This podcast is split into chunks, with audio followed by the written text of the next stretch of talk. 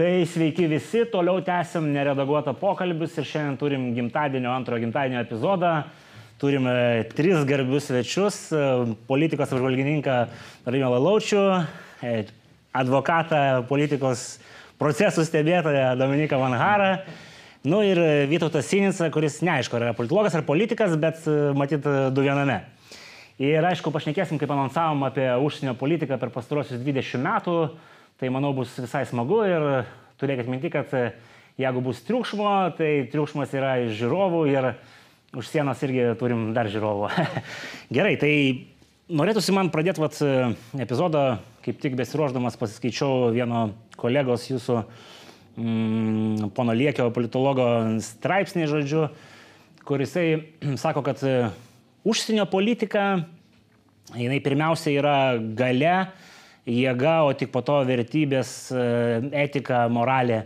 Tai Vladimirai, gal jums toks klausimas. E, ta tradicinė užsienio politika, sakykime, kas yra jos driveriai, tie žu, veikiančios jėgos, kurios stumia į priekį? Ar čia yra, kaip dabar įprasta kalbėti, kažkokios e, vertybės, ar visgi yra pragmatiniai valstybių interesai, kurie yra atremiami jų gale, politiniai ir ne tik? Aš prisipažinsiu, neskaičiau jūsų minėto straipsnio, bet iš to, ką suprantu, Tai tikrai dalis tiesos tame yra ir tradiciškai nuo antikos laikų ta skirtis tarp vidaus ir užsienio politikos principų tikslų egzistavo. E, užsienio politika buvo suprantama taip, kaip šiandien vadintume, daugiausia pagal realistinę sampratą, tai kas šiandien vadinama klasikiniu realizmu ir e, samprata, kurios pradininkas yra Tukididas. E, vidaus politikai buvo taikomi visai kiti kriterijai, visai kiti reikalavimai. Vidaus politikoje vienas iš pagrindinių tikslų buvo teisingumas kaip tik tas tikslas, kurio dabar Lietuvos vertybinė užsienio politika bando siekti visame pasaulyje. Tai jeigu aš teisingai suprantu Liekio straipsnio mintį, tai jai reikėtų visai pritarti, nes iš tikrųjų užsienio politikai negali būti lygiai taip pat taikomi e, teisingumo standartai, kaip jie taikomi vidaus politikai. Negali kuri nors valstybė imti ir spręsti, kas visame pasaulyje pirmiausia turėtų valdyti, nes teisingumo klausimas yra pirmiausia klausimas, kas, kuri visuomenės grupė turi valdyti ir kodėl nėra teisingumas visame pasaulyje gyvendinamas kurios nors vienos valstybės, taip pat ir pagal socialinio teisingumo sampratas, kas ir kiek ir ko turėtų gauti ir kodėl, ir taip toliau. Aš nekalbu ir apie kitas politikos vadinamasias vertybės, kurios tikrai gali ir turi būti įgyvendinamos, bent jau bandoma turi būti jas aiškintis ir gyveninti vidaus politinėme gyvenime, bet na niekaip negali valstybė to imtis užsienio politikoje. Tai dabar, kaip pavyzdį, kaip dabar mes vykdome e, vertybinę užsienio politiką, aš galėčiau pateikti, na, tokį hipotetinį e, pavyzdį, kai, tarkim, atėjusi į valdžią partija, kurios programoje, kaip dabartinės partijos valdančiosios programoje, kažkas yra įrašyta apie tai, kad bus gerinami santykiai su pasaulio demokratijomis ir kovojama su autoritariniais režimais, turbūt kažkas panašaus, bent jau teko girdėti, bet aš prisipažinsiu, atidžiai to neskaičiau. Bet tokios abstrakčios frazės buvo, kuriamis vėliau buvo teisinama Taivano atstovybės pavadinimo nuostata, kad turi būti, nes mes savo programoje kažką panašaus rašėm. Bet tai buvo rašoma abstrakčiai. Mes draugausim su demokratijom ir nedraugausim su uh, tironijom ir, ir taip toliau.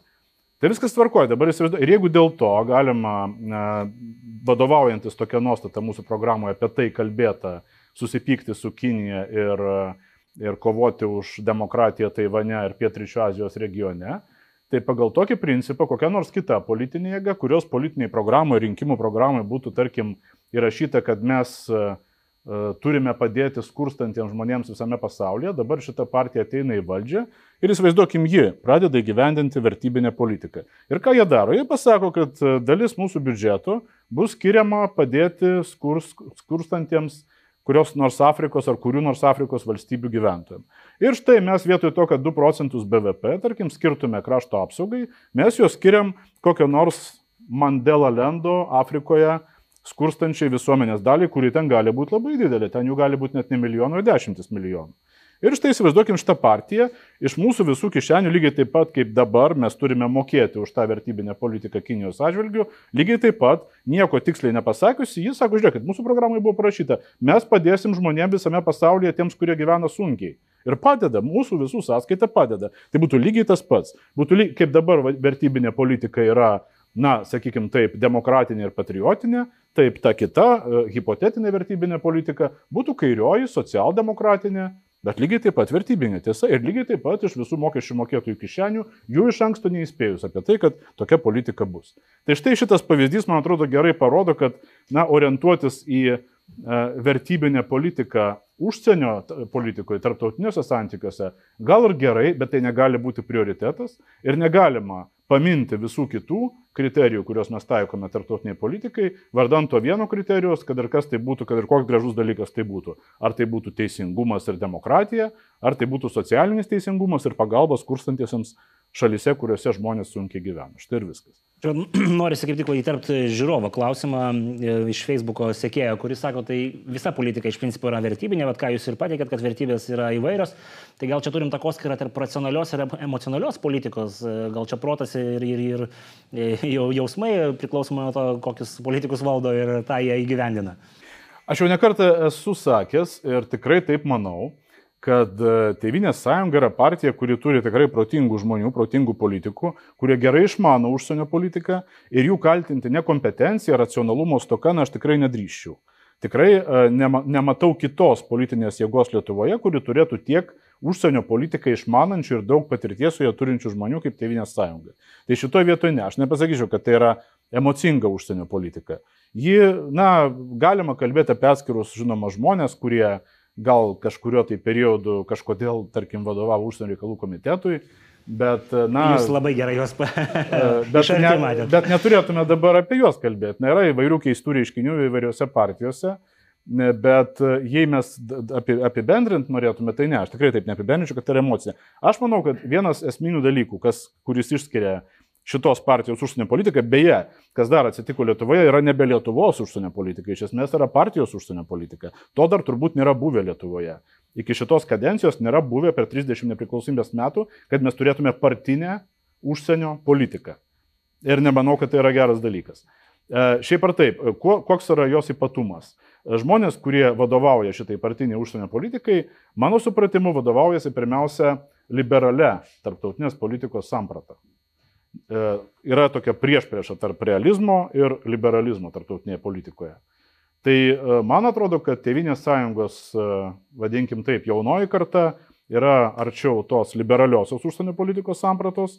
Kitaip tariant, jie tikrai nori eksportuoti žmogaus teises ir demokratiją visame pasaulyje, jie ieško tų, su kuriais kartu jie galėtų tai daryti. Kai neranda, daro tai vieni, nes jie drąsus, jie ne, nebijo rizikuoti, jie turi ryšto kaip sakoma, šiandien labai yra madingas žodis, jie nebijo iššūkių. Tai štai šita vertybinė užsienio politika, jų rankomis yra iššūkių politika, kurių jie nebijo ir su kuriais jie, kuriuos jie bando įveikti. Jie patys savo tos iššūkius dabar išsikėlė ir patys juos drąsiai, ryštingai įveikinėja. Tai nėra emocija, tai yra tiesiog vadovavimasis, ta, kaip sakiau, liberalia tarptautinės politikos samprata, liberalia tarptautinių santykių samprata. Ok, tai dar pratęsim, mačiau, Dominikas norėjo dar kažką replikuoti su visą tą meilę Tevinės sąjungai. Jo, aš šiek tiek galbūt gerbiamam Vladimirui norėčiau paponuoti vienu momentu. Tai žiūrėkit, aš pilnai sutinku su gerbiamu Vladimiru, kad Tevinės sąjunga Lietuvos krikščionys demokratai užsienio politikoje tikrai turi stiprių e, žaidėjų, tikrai kompetitingų, tačiau aš norėčiau paklausti, o kur jie yra? Ar jie yra dabar tie, kurie drivina tą užsienio politiką? Na, pavyzdžiui, žiūrėkime, Audro Audronius Ažubalis, buvęs užsienio reikalų ministras, tikrai e, kompetitingas, tikrai e, pakankamai reikšminga figūra, kuris dabar yra. Jis yra paprastas Seimo narys, jis net nėra komiteto pirmininkas. O kas dabar draivina užsienio politiką, tai Gabrielius Landsbergis, Mantas Adomienas, na, ar juos mes galime vadinti užsienio politikos sunkės svoriais, labai kompetitingais, na, man žinokit tikrai nesiverčia liežuvis to pavadinti. Ir priešingai, dar daugiau aš matyčiau, kad, pažiūrėjau, tas pats Audronius Ažubalis nuolatos oponuoja partijos vadovybei. E, partijos vadovybei, partijos užsienio politikai, netgi pakankamai drąsiai, kaip tėvynė sąjunga iš tikrųjų. Tai aš galėčiau sutikti, kad taip, Tevinė sąjunga tikrai turi kompetitingų žmonių, tačiau ar jie yra tie, kurie būtent ir įgyvendina tą politiką, aš kategoriškai su tuo nesutinku. Aš trumpai labai atsakysiu, kalbant apie konkrečių žmonės, tai galiu įvardyti Europos parlamento pranešėją Rusijos klausimais ekspremjerą Andrių Kubilių, kuris tikrai turi ir patirties ir išmanimo. Taip pat dabartinė užsienio reikalų komiteto pirmininkė Laima Liucija Andrikinė, kurie taip pat turi daug patirties ir išmanimo būtent užsienio politikos rytyje ir kurios aš niekaip neapkaltinčiau nekompetencija. O kalbant, kad ir apie tą patį Mantą domėną, na, aš tikrai nepavadinčiau jo kvailų žmogumi, žmogumi, kuriam trūksta backgroundo ar kuriam trūksta kažkokių e, žinių. Tikrai ne. Mes galime nesutikti su jo požiūriu, su jo, su jo samprata, su jo veiksmais, bet pavadinti jį neišmanėliu, pavadinti jį kvailiu, aš manau, tai būtų mažų mažiausiai. Mes taip baisiai jo nevadinom. Taip. Visgi jis yra pakankamai stiprus e, Tevinės sąjungos atstovas, nes e, išdryso, jis sako, kviečiamas ateiti pasišnekėti apie Baltarusiją, tai aš jam duodu daug karmos taškų. Vytautas yra nuskriaustas ir yra klausimas. e, O galima apie tą patį prieš tai? Na gerai, galima. A, gerai. Prašom. E, Nes čia klausantis irgi mintys dėliojasi. Pirmiausiai tą pirminį klausimą, ar gali būti vertybinė užsienio politika, kaip turėtų būti. Ne, jokių būdų neturėtų būti, nes e, šalių užsienio politika turi remtis jų nacionaliniais interesais. interesais. Jeigu vertybinė, automatiškai tai, kas jau pastebėta, ji pasmerkta būti partijos. Ta akimirka, kai jinai vertybinė, jinai pasmerkta būti partijos, nes skirtingos partijos iškel skirtingas poliusinio politikas ir pagal pačią sampratą, kas tai turėtų būti, ko turėtų siekti užsienio politika, tampa jau bloga. Bet aš sakyčiau, kad nėra tai, kas vyksta, nėra jokia vertybinė užsienio politika. Čia, čia yra tokia tiesiog nuskambi graži frazė, kuri sutaurina visą tai, kas dabar yra daroma užsienio politikoje. Ir na, mes žinom, kad vis tiek Tevinė sąjunga, kaip turbūt pagrindinis užsienio politikos formuotojas, yra partija, kuri turi tą tokį vat, vertybiškumo vėliavą. Ne? Turbūt aš nesu daręs tyrimo ir nesu matęs tyrimo, bet turbūt jeigu paklaustum tiesiog žmonių Lietuvoje su politinė kairė sėtų pragmatiškumą ar su dešinė ir vertybiškumą, kad ir ką jis reikštų, ar sėtų su kairė ar su dešinė, aš bent manau, kad susėtų vat, būtent taip. Kairė su pragmatiškumu, o dešinė ir konkrečiai tėvynė sąjunga su vertybiškumu. Ir jie tą suprasdami ar ne, bet vat, pasako, kad mūsų užsienio politika yra vertybinė ir tada daro tą, ką nori daryti, kas jiems patinka. Tevinė sąjunga dešiniai. Galėsim ir šitą atidaryti failą. Šiaip jau nebe, bet, bet galima kalbėti. E, Ką iš tikrųjų daro ir kodėl sakau, kad nevertybinė? Todėl, kad jeigu jį būtų iš tikrųjų vertybinė, ten tas programos punktas yra kovosim už demokratiją ir žmogaus teisės visame pasaulyje nuo kažko iki ar Taivano, ar Hongkongo ten buvo parašyta, nu žodžiu, tikrai visame pasaulyje. Bet tada akivaizdu, kad to nedaro. Tai ir yra neįmanoma, aišku. Ir kadangi neįmanoma, tai to ir nedaro. Išsirenka vieną šalį, kurioje kažką ten kovoja už žmogaus teisės ir sako, žiūrėkit, mes puolam, nes pažeidžiama. Bet apskritai pasaulyje nėra Šalis savo interesus gina ir užsienio tarptautiniuose santykiuose saveikauja pagal tarpusavį susitartas taisyklės. Taisyklių yra tiek, dėl kiek jų susitarė. Nu yra susitarta dėl kokiais atvejais galimas karas, taip toliau, dėl daugybės dalykų susitarta, dėl daug daugiau dalykų nesusitarta. Ir vienas iš dalykų, dėl kurių tikrai nėra susitarta, kad visos šalis turi būti demokratijos. Tokio susitarimo nėra. Ir tikrai neina visame Bet pasaulyje. ar tikrai, Vytautai, Demokratijos vers nedemokratijų. Nedemokratijos su demokratijom puikiausiai pragmatiškai santykiauja pagal kiekvieną savo nacionalinius interesus. Okay, bet aš tada noriu, noriu pertraukti tamstą ir paklausti. Visgi yra, mes turim istorijos pabaigos naratyvą, liberaliosios demokratijos e, pergalę, kad ir kaip tai būtų fiktyvus dalykas, bet toks naratyvas yra. Ir, Bet jis jau nepasiteisinęs. Ar, bet jis- ar tikrai mūsų, ar, ar mūsų politikai, tasme, kurie dabar atsakingi už užsienio politikos formavimą, tikrai atsisakė šito naratyvo ir jį nekreipė dėmesio? Gal ir kreipia, nežinau. Manau, kad kreipia. Pagal viską, kai aš matau jų pažiūrose ir dėl dėsi kitose politikos rytise, sakyčiau, kad kreipia ir tiki, kad apskritai egzistuoja toks dalykas kaip kažkokios ideologijos pergalė. Teisinga istorijos pusė. Ne? Būti teisinga istorijos pusė. Kai anukai galės mumis didžiuotis, kad mes ten už ką nors kovojam. E, bet baigiant su, su tuo, ko šalis daro ir nedaro, tai štai Lietuva dabar vykdydama vertybinę, sakau, kabutėse užsienio politiką, išsirenka, tarkim, Taivano klausimą ir kovoja su Kinija. Ir po to važiuoja, va dabar čia toks skambus pavyzdys į Singapūrą, kuris, nu, nei per kur nėra brandžios demokratijos šalis, gerbinti žmogaus teises ir nieko nėra tai, ko reikalauja e, konservatoriai iš Kinijos. E, Kodėl taip yra? Ar tai yra tiesiog nenuseklumas? Ta prasme, dvi hipotezės. Viena, ar konservatoriai bando vykdyti vertybinę užsienio politiką, bet jiem nepavyksta to daryti nuosekliai, pavyko kol kas tik su Kinija, bet visi kiti 150 pasaulį laukiantis nedemokratijos atveju, nu, jie dar palauks.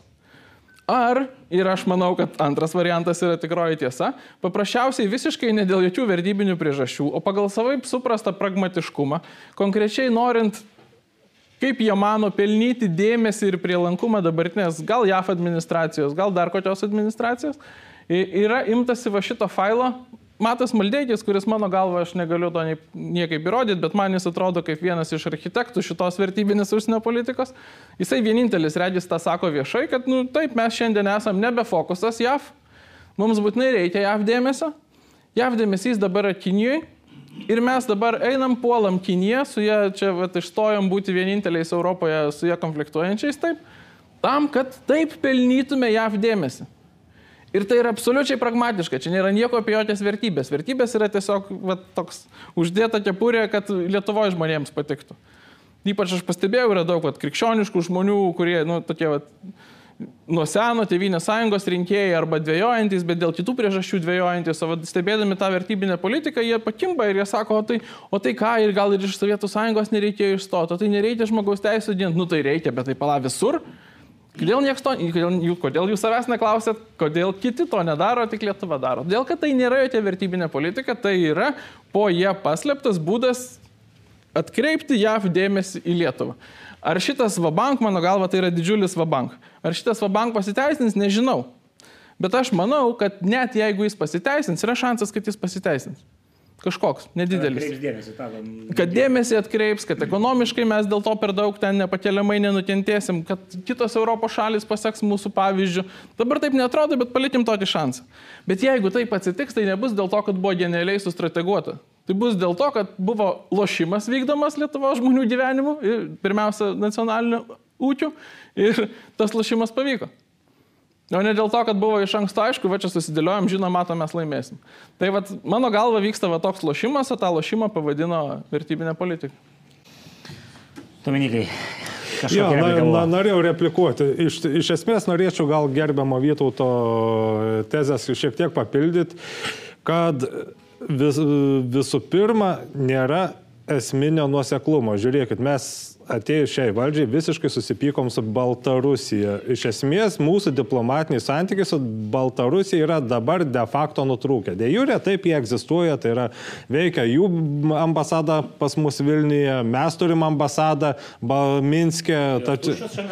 E, ne visai, yra pusantro žmogaus ten, tai yra vienas diplomatinio personalo atstovas ir vienas techninio personalo atstovas. Na, iš esmės diplomatiniai santykiai nepalaikomi. Galim konstatuoti traktuoti tiesiog taip. Nu, to, tokiam pačiam, pačiam minimaliausiam lygiui dar šiek tiek. Tačiau e, prieš kelis mėnesius buvo nuskambėjus žinia, kad Lietuva užmesgė diplomatinius santykius su Bisau Gvinėje.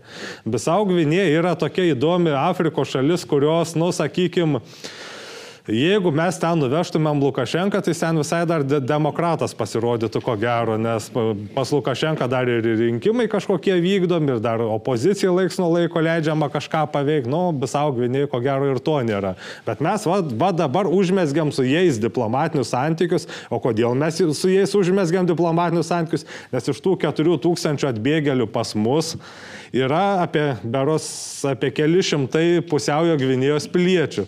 Tai mums reikia tiesiog politinių, diplomatinių kontaktų, kad mes galėtumėm su jais startis dėl jų gražinimo atgal į jų tėvynę. Tai Ir tai yra gerai.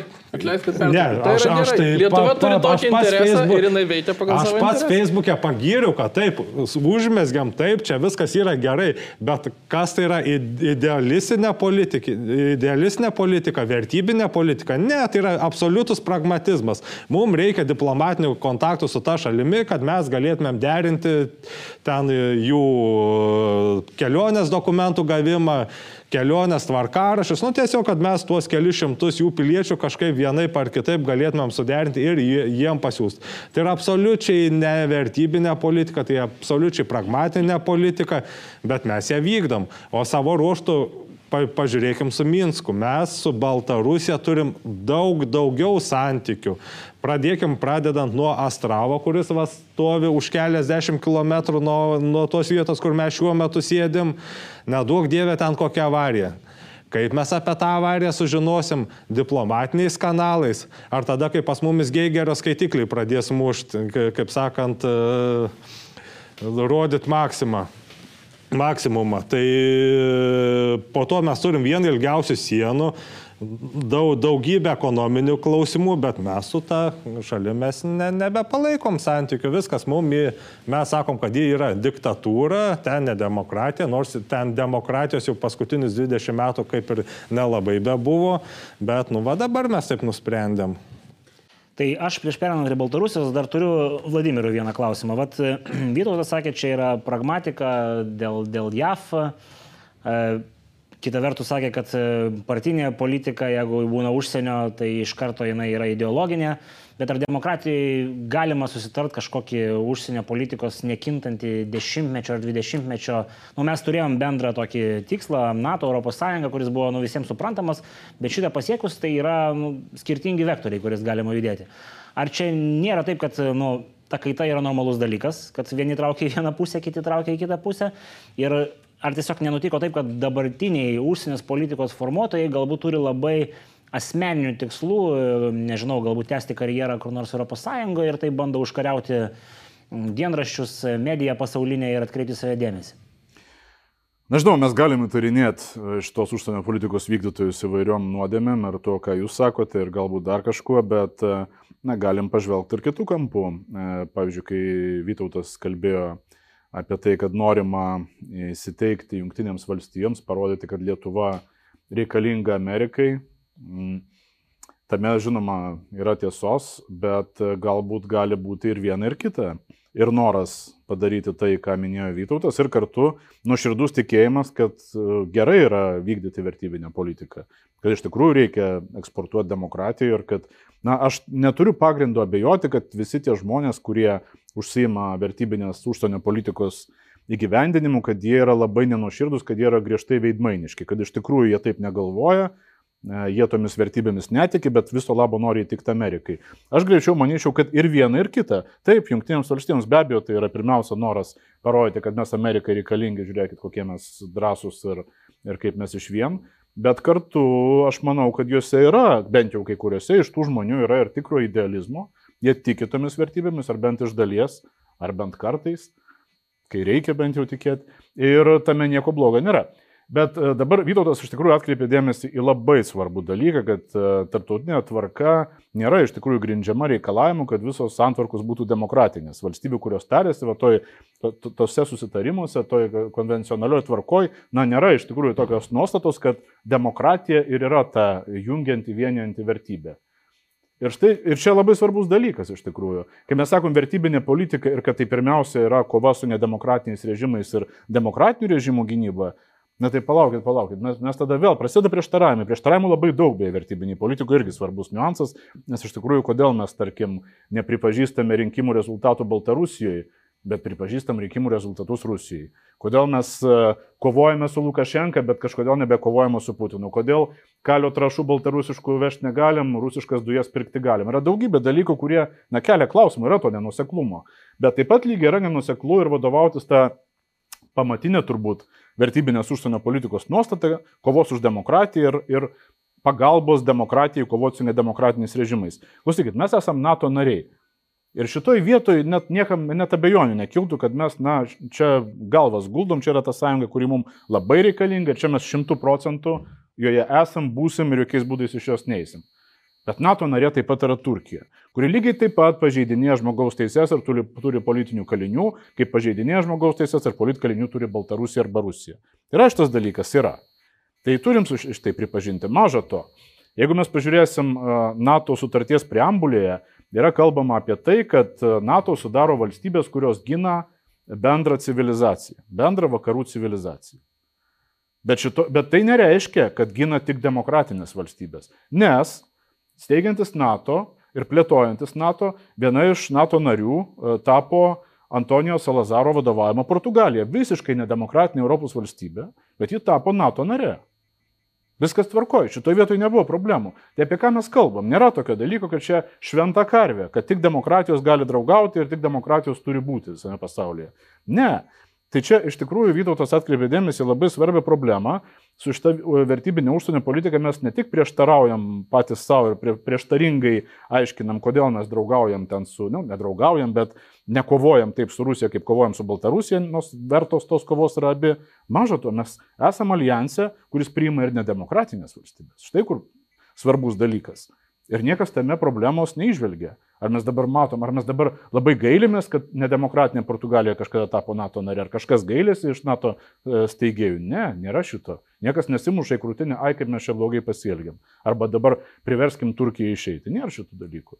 Tai gal mes e, truputėlį turėtume pažiūrėti ir į tai, kad vertybinės politikos visa šita retorika, visas šitas naratyvas, jis yra savaime veidmainiškas, jis yra savaime netgi melagingas vidujei. Aš nesakau, kad tie žmonės, kurie to vadovaujasi ir su tuo eina uh, vykdyti šitų užduočių, yra melagi jokiais būdais. Aš tikrai sakau, jie nuoširdžiai tiki, nuoširdžiai nori gero. Aš ne, nematau juose kažkokios tai blogos valios. Bet tai nereiškia, kad būdami geros valios žmonėmis, būdami protingai žmonėmis ir kompetitingais, aš nebijau to pasakyti, dėl to ir pakartot, aš manau, kad jie vadovaujasi klaidingom prielaidom. Čia yra bėda. Jie vadovaujasi klaidingom prielaidom, kai apskritai vienareikšmiškai nusprendė e, kaip savo pagrindinę prielaidą e, paimti e, būtent liberalią tarptautinių santykių sampratą, visiškai atmesdami realistinę. Ir jie vadovaujasi klaidingą prielaidą, manydami, kad tai yra vertybinė politika, kai tas daiktas yra viduje prieštaringas, kaip aš ką tik minėjau, su tais keliais pavyzdžiais. Ar kažkas nori kažką replikuoti, nes aš tada perėčiau prie Baltarusijos. Trumpai, čia net nebus argumentas kažkoks, tiesiog kodėl mano išvada truputį kita. Dėl to, kad sudedu tai, ką sutinku visiškai su jumis, kad tai yra didelė dalim labai kompetitingi žmonės, patyrę žmonės, protingi žmonės. Nenuoseklumas yra, faktiškai reikia ieškoti, kur yra nuoseklumo, nes šiaip jau visur, kur dursi, ten yra nenuoseklumas. Ir tada man atrodo, kad tai yra neįmanoma. Kad šitie protingi, kompetitingi žmonės priejo prie tokios nenuoseklios koncepcijos ir vizijos nuoširdžiai ir gerais norais. Man tada realesnė prielaida yra, kad mm, šitie protingi ir kompetitingi žmonės nusprendė, kad selins gerai šitą koncepciją. Tai va, aš tada, turiu klausimą, nes aš nepritariu, kad yra nenuseklumas, pavyzdžiui, Baltarusijos atžvilgiu. Nuo 2004 metų mes turim skirtingas politinės partijas valdžioje, žodžiu, ir, ir, ir kalbu apie ir socdemai buvo, ir, ir, ir, ir buvo valstiečių iteracija. Ir mes turim pakankamai nuseklę Baltarusijos politiką, kuri vadinasi yra, e, pasme, kažkaip tai kultivuokim tą opoziciją Ir, ir žodžiu, tai, tai darė ir 2004 metais, ir, ir vėliau tiesiog laipsnis pasikeitė. Ar mes Baltarusijos tam linijoje galim sakyti, kad, pavyzdžiui, labai skiriasi dabartinės Urmo vadovybės politika ir, tarkim, Albino Januškos kompanijos, kai, kai, kai užsienio reikalų ministras buvo, ten keli buvo užsienio reikalų ministrai, bet dabar tiksliai nepasakysiu kuris, bet čia kalba eina apie penktus, ketvirtus, šeštus metus. Ar tikrai kažkas pasikeitė, ar mes Baltarusiją vertinam kažkaip kitaip? Galiu aš paminėti, kad e, anksčiau su Lukašenkos režimu pas mumis santykiai buvo absoliučiai pragmatiški. Bet kada tas anksčiau? Na, iki 20 metų vasaros. Tai yra, buvo, mes taip rėmėm Baltarusijos opoziciją, taip laikėm Lukašenką nedemokratišku, tačiau su Lukašenka buvo gana pragmatiškai bendradarbiaujama. Tai yra tais pačiais, kad ir tais pačiais, na, pabėgėlių klausimais. Kaip manot, kodėl Lukašenka va taip staigiai per kelis mėnesius išeskalavo va tą koncepciją atvežimo iš trečiųjų šalių piliečių prie e, Baltarusijos Lietuvos sieną ir jų permetimų pas mumis į Lietuvą? Nes ta koncepcija jau senai buvo. Aš pats su jie esu gyvenime dirbęs. Tai yra, buvo labai aiškus migracijos kelias. E, žmonės bandyd, na, norėdami patekti į Europos Sąjungą, jie na, stoja į Baltarusijos kažkokias aukštasias mokyklas, kur mm, mokamiem buvo labai lengva įstoti. Na, pavyzdžiui, Indijos, Pakistano piliečiai įstoja, ten sumoka kažkokią įmoką, gauna vizą, atvažiuoja į Minską, tada apsigyvena bendrabutį, bendrabutį palieka savo asmens dokumentus ir eina tiesiai per Lietuvos sieną. Tada, me, aišku, mes juos sugaunam, tai yra mūsų pasieniečiai juos sugauna, sulaiko, pradeda nustatinėti jų tapatybės, jie pradeda prisistatinėti ant, pavyzdžiui, jeigu Indijos pilietis pradeda prisistatinėti, kad jis yra pabėgėlis iš Birmos ir kad mes jam ten turim suteikti pabėgėlio statusą. Tada mūsų pusė susisiekė su Baltarusijos pusė, kad na, ma, maždaug iš jūsų pusės atėjo, gal jūs žinot, kas jis toks. Na ir tada gauname visi jo dokumentai kartu su pasu, kartu su visom vizom. E, nustatoma jo tapatybė ir mes, aišku, atiduodam jį atgal Baltarusijai, Baltarusija juos pasima. Ir tokiu būdu tas migracijos kelias pas mumis neįdavo. Nu, ne, jis nebuvo perspektyvus, ten gal vienas kitas prasmukdavo toliau į Europą, o mes visus kitus sulaikydavom ir gražindavom. Nu, tiesiog neperspektyvus migracijos kelias ir mes galim pažiūrėti migracijos statistiką. Kad, pavyzdžiui, 19 metais pas mumis buvo beros 80 nelegalų sulaikyta, 18 beros 42. O dabar, kai Lukašenka nusprendė mus paspausis į gyvenimą tą, tą pačią schemą, jis atsiveža lygiai tuos pačius visus, kaip ir anksčiau būdavo, norim atvažiuoti, e, lygiai tokiu pat pačiu metodu permeta juos prie, mūsų sienos ir taip jie, jie ir visi ir keliauja per mūsų sieną. Tik skirtumas tas, kad mes jau nebeturim kontakto su Lukašenka, nebegalim nustatyti jų tapatybių, nebegalim gauti jų dokumentų ir svarbiausia, mes nebeveikia readmisijos sutartis su Baltarusija ir mes jiem į Balta, jų į Baltarusiją gražinti nebegalim. Va čia ir yra problema. Anksčiau, kaip sakau, viskas buvo vykdoma pragmatiniu uh, principų. Mums palanku, mums e, patogu, mums naudinga, Lukašenkai naudinga, mes bendradarbiavom. Dabar, na, jau, kaip sakyti, šaltasis karas ir tokia situacija gaunas, kad iš principo mes turim daug problemų. Na, vien 4000 pabėgėlių, kuriuos mes ir iki šiol išlaikom, sakyčiau, tikrai mums sukelia ir problemų, ir finansinių išlaidų, ir ypač žinant, kad e, dauguma tų 4000 pabėgėlių pabėgėlių, atbėgėlių pas mumis, na, ko gero jau pasiliks. Tai ar čia galima taip teikti, kad mes supykdėm kaiminės valstybės vadovą, nedemokratinį, bet visgi vadovą, kuris turi faktinę kontrolę ir jisai... Nebūtinai supykdėm, mes tiesiog susipykom, tai abipusis, abipusis santykis. Nu, bet mes jo nepripažinom prezidentu, kai jisai, tasme, sakosi laimėjęs, tai, nu, kaip ir mūsų pusė padarė veiksmą. Ir mūsų pusė, ta, tačiau man, kiek, bent jau kiek, kiek man, man, man yra žinoma, na, Lukašenka norėtų kažkokio, iki kažkokio ligmens tos santykius palaikyti. Mes daugiau galbūt jų nenorim palaikyti. Na, va dabar kalio trašas nutraukiam. Lukašenkai reikėtų, kad jos važiuotų. Nu, bet jos galbūt važiuos į kitą pusę, bet čia aišku, gal kažkas turi kažkokių pastebėjimų. Aš sakyčiau, Dominikas išplėtojo išsamei vieną pavyzdį, bendros situacijos, kad įvyko ne, ne kiekybinis pasikeitimas, o kokybinis šuolis. Iš santykių, kurie tenkino abi pusės, į santykius, kurie nu, dabar, tiesą sakant, netenkina nei vienos pusės. Viskas, ką mes darėm, e, žiūrėk, Lukašenkos režimas nepasikeitė. Vidaus atžvilgių, savo visų ten disidentų ir visą ko, ką galima vertinti atžvilgių, Lukašenkos režimas iš esmės nepasikeitė. 19 metais po rinkimų Tai buvo tas pats režimas, kuris buvo ten nuo 90 kažkelintų metų ir, ir niekada nebuvo demokratiškas. Pasikeitė mūsų požiūris į jį.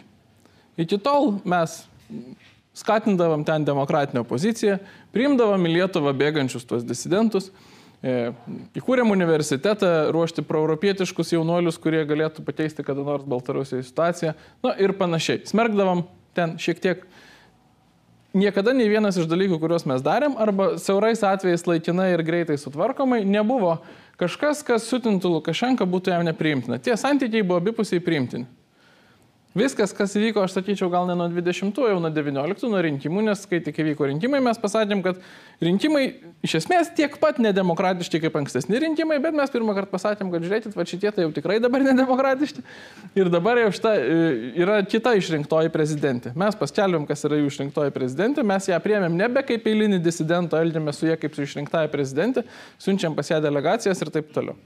Tai yra visiškas kokybinis lūžis ir po to iš jo plaukė visos tos pasiekmes. Ten gaudomi lėktuvai yra nuleidinėjami, migrantai ir taip toliau. Niekaip negali sakyti, kad tai yra tiesiog intensyviau tas pats. Nes tas intensyvumo šuolis, kuris įvyko, tai įvyko šuolis per, per bordą, per, per koncertiną. Šuolis įvyko.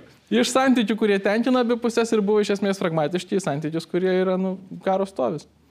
Tai Vladimirai, ar, ar visgi čia įstojo, išstojo nueinanti Vokietijos kanclerė ir su gera real politik praktika tos reikalus sustabdė, nes nu, akivaizdu, kad po jos skambučio visgi tie srautai tiek Lenkijoje, tiek Lietuvoje jie sumažėjo, rimtai sumažėjo. Ar jie sumažėjo po jos skambučio būtent dėl to, kad jį paskambino, sunku pasakyti.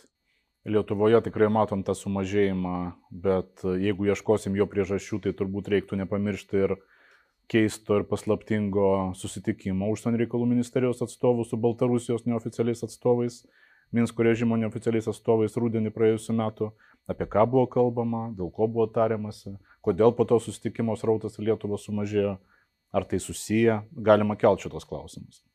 Apskritai dėl Baltarusijos, vieną kartą mes kalbėjome, aš kol kas nenorėčiau kai kurių dalykų sakyti, iš tikrųjų šit, visa šita istorija tai kažkoks nejuokingas cirkas yra Jeigu kada nors rašysiu prisiminimus, būtinai atviriau pasidalinsiu kai kuriais dalykais, nuo kurių tiesiog plaukai šiaušiasi. Bet kalbant apie Vokietiją ir, ir Angela Merkel, čia dar reikėtų šiek tiek grįžti prie to, ką mes kalbėjom. Vytautas minėjo tą norą būti jungtinių valstybių politikos farvateryje. Taip jis yra, bet maždaug prieš 10 metų ar 11 metų yra tekę kalbėti su vienu mūsų diplomatu, kuris na, buvo įtakingas žmogus ir sakė, kad Lietuvai labai svarbu dabartinėmis aplinkybėmis, kai Amerika turi vis daugiau problemų Ramiojo vandenynų regione, Pietričio Azijoje ir akivaizdžiai trauksis iš Europos, nes Rusijos grėsmėje nėra tas trigeris, kuris verstų čia pasilikti ir visą dėmesį telkti čia į Europą, jiems rūpės santykiai su Kinėje mes turim, mes turim labiau, kaip sakyti, prisitaikyti prie Vokietijos lūkesčių, prie Vokietijos politikos ir orientuotis į Berliną. Jeigu Lietuva nori išlikti saugi ar saugesnė, tai labai svarbu įrodyti Vokietijai, kad mes jai irgi esame reikalingi. Na ir mano supratimu, be, beveik visą didžiąją to dešimtmečio dalį, na, Lietuva ir vykdė būtent tokią politiką, stengdamasi derinti savo veiksmus pirmiausia su Berlyno galimais tikrais arba tariamais lūkesčiais. Tai darė buvusi prezidentė Dalia Grybauskaitė ir jį to neslėpė. Lietuva, tarkim, to, spręsdama dilemą, su kuo mes labiau su Varšuva ar Berlynu, visiškai vienareikšmiškai sakė, mes tik su Berlynu. Tose situacijose, kai Europoje vykdavo diskusijos tarp uh, Višegrado šalių ir Berlyno Lietuva stodavo Berlyno pusėn, o ne Višegrado šalių pusėn. E, visas šitas noras įtikti Vokietijai, beje, e, na, parodė labai prastą rezultatą 15 metais, kai prasidėjo būtent Vokietijos politikos dėka Europai prasidėjo nelegalios migracijos krizė. Mes, kadangi buvom dideli būtent Vokietijos draugai, tai mes ką sakėm, kad čia nieko tokio, tai, nu, iš tikrųjų priimsim visus. Gal tik tai pas mus nesiūskit, o, o šiaip tai čia viskas labai gerai. Su kažkokiam kvotom mes sutikom, nes ir dabartinė administracija sako, kad mes turėjome įsipareigojimus. Kvotom, taip, bet uh, tuo metu mūsų valdžia, jeigu mes prisiminsim 15-16 metus, tai tuo metu valdančioji dauguma visiškai normaliai žiūrėjo į Vokietijos politiką, kad štai mes atviros duris priimsim visus, atvykit. Niekas neprieštaravo, niekas nesakė, pabandykim, kaip dabar sako. E, ir tuo metu opozicija lygiai taip pat. E, konservatoriai labai teigiamai žiūrėjo į Angelą Merkel, į Vokietijos politiką, sakė, kad būtent į juos mes turim orientuotis. Ir kai buvo nelegalios migracijos krizė, tai vienas didžiausių idiotizmų, kurios Europa pati savo susikūrė ir pati su ją dabar mėgina dorotis, tai Lietuva buvo idiotizmo pusėje. Vienareikšmiškai tiek tuo metė valdžia, tiek tuo metė opozicija. Ir tik dabar tie patys žmonės, kurie tada sakė, valio, Merkel viską daro teisingai, ji negali klysti, dabar jie jau išvertė kailį, dabar jie kalba atvirkščiai. Dabar jau, ojojo, čia nelegali migracija kelia grėsmę, čia politiškai, politiškai organizuojama nelegali migracija. Tik kad ir prieš tai buvo politiškai organizuojama. Iš jos pelnėsi Turkija, iš jos pelnėsi ir ją naudoja būtent politiniais tikslais Marokas, šantažuodamas realiai Ispaniją. Apie ką mes kalbam? Čia nieko nauja. Vis, ir tada buvo visiškai aišku, kad tai bus daroma ir daroma politiniais tikslais. Ne, Lietuva vis tiek buvo su Vokietija. Bet dabar, dabar nuspręsta šitą vektorių pakeisti. Matom, kad Vokietija, na, kažkaip sunkiai ten tvarkosi, Nord Stream 2 kažkaip negerai. Vis dėlto, na, kuo toliau, tuo blogiau viskas atrodo. Ir plus Merkel nebeliko, kaip sakyt, mes mėgstame e, vadus, stabus, simbolius, tai nebelieka šito simbolio, kuris, kurį taip mylėjo ir mūsų dešinieji, ir ne tik dešinieji. Ir dabar uh, nuspręsta, kad ne, mes geriau pasistengim būti labai reikalingi ne Vokietijai, o Amerikai. Bet Amerika ką? Amerika, Amerikai prioritetas yra Pietričių Azija. Aha, bet, vadinasi. Bet vat, minėtas farvateris Amerikos ir Vokietijos Nord Stream 2 atveju tiek Amerika, tiek Vokietija palaiko šitą dujų kelią. Tai su kokiu farvateriu mes plaukiam uh, Prasme, panašu, kad... Na, Amerika jo tikrai nepalaiko. Amerika jo nepalaiko. Šių dienų administracija. Na, nuolaidų darimas Vokietijai, mėginimas ieškoti kompromiso, tai ne tas pats, kas palaikymas. Aš nevadinčiau to palaikymu, taip, mėginama tiesiog susikalbėti su Vokietija. Bet, e, nes prieš tai buvo visiškas jau, jau konflikto buvo situacija e, dėl Nord Stream, dabar jos nėra, iš tikrųjų galima svarstyti, kas yra svarbiau, ar principingai kovoti prieš Nord Stream, ar vis tik tai siekti vakarų partnerių vienybės.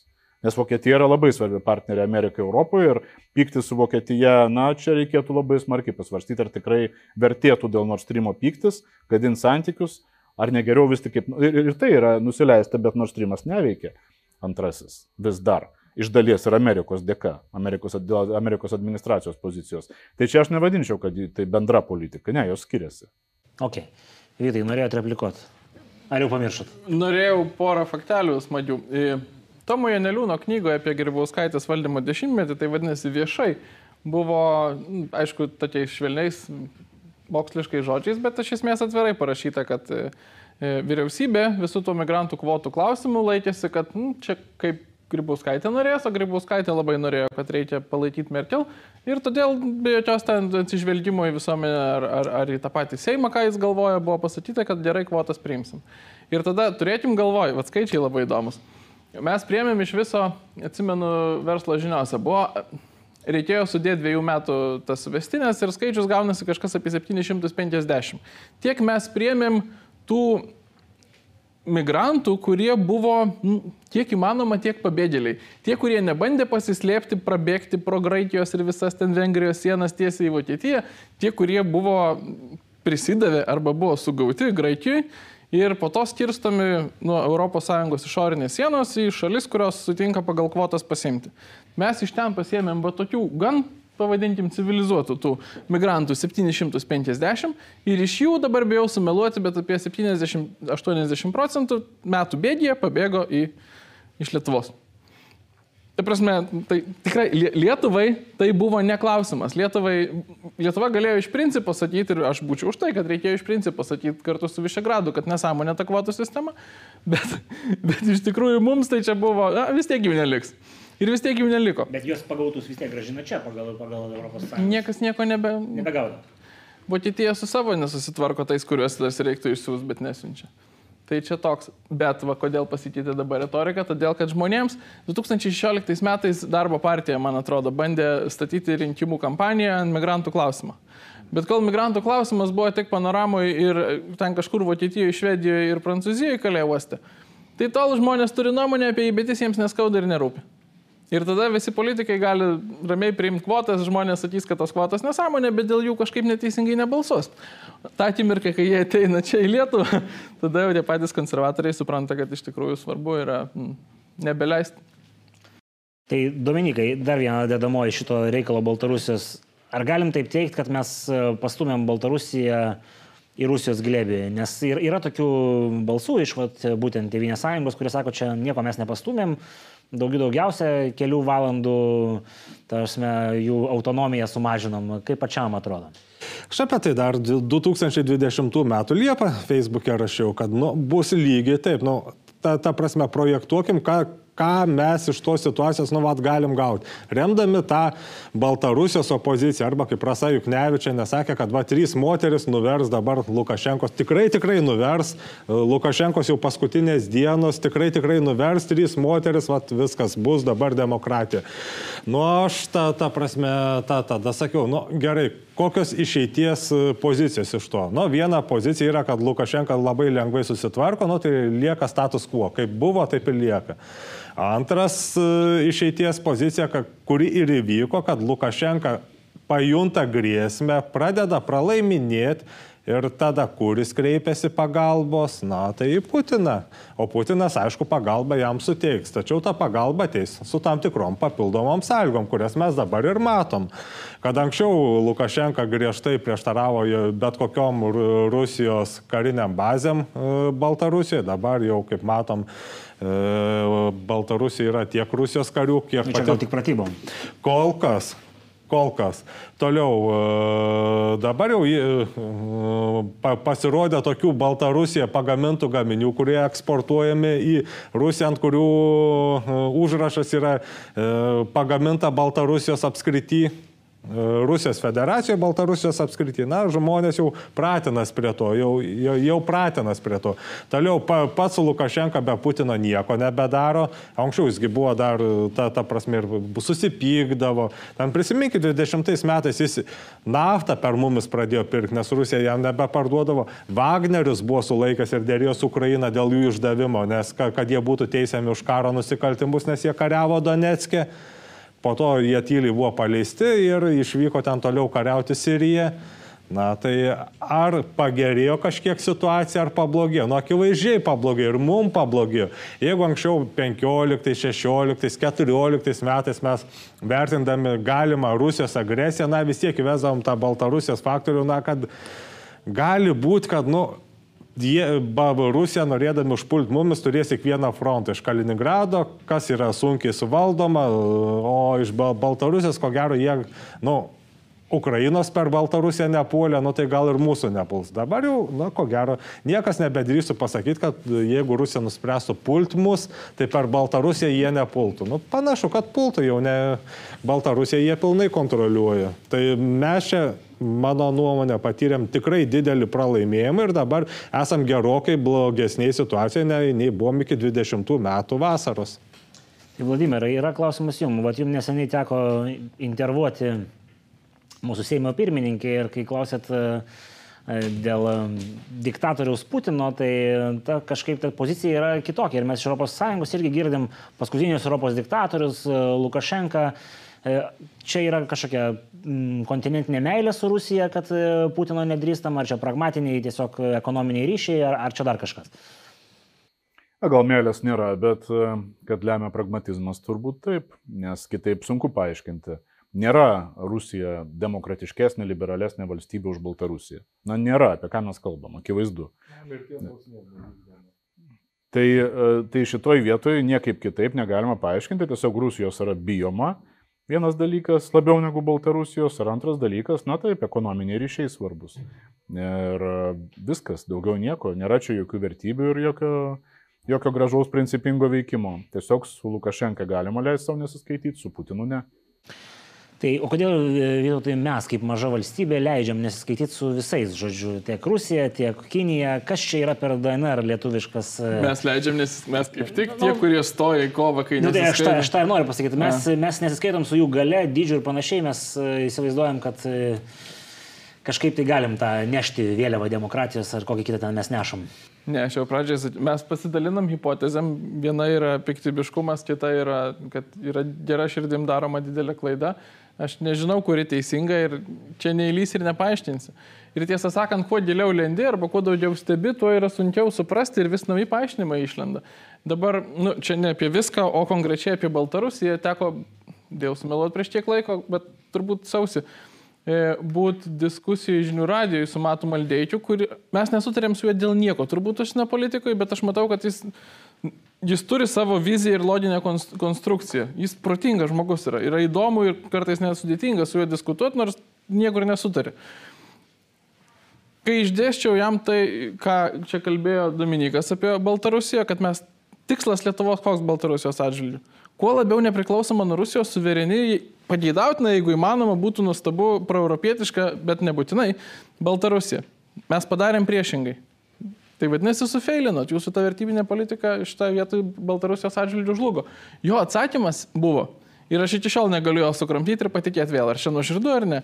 Sako, mes suprantam, kad neįmanoma nuversti Lukašenkos, bet mes suprantam, kad vat, padarė tai, ką išvardėjo Dominikas, tai yra pastumę Lukašenką taip giliai į Rusijos glėbi, mes parodėm Baltarusijos visuomeniai, Va dabar koks jis yra Putino marionetė, ant tiek.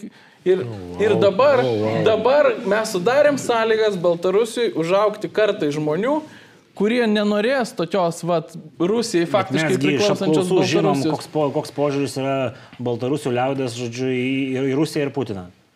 Susiraskit pagal, nežinau, pavadinimą, pavardės, Maldeikis, Inica, žinių radijas, ten tikrai tai buvo pasakyta, gal ne žodį žodį.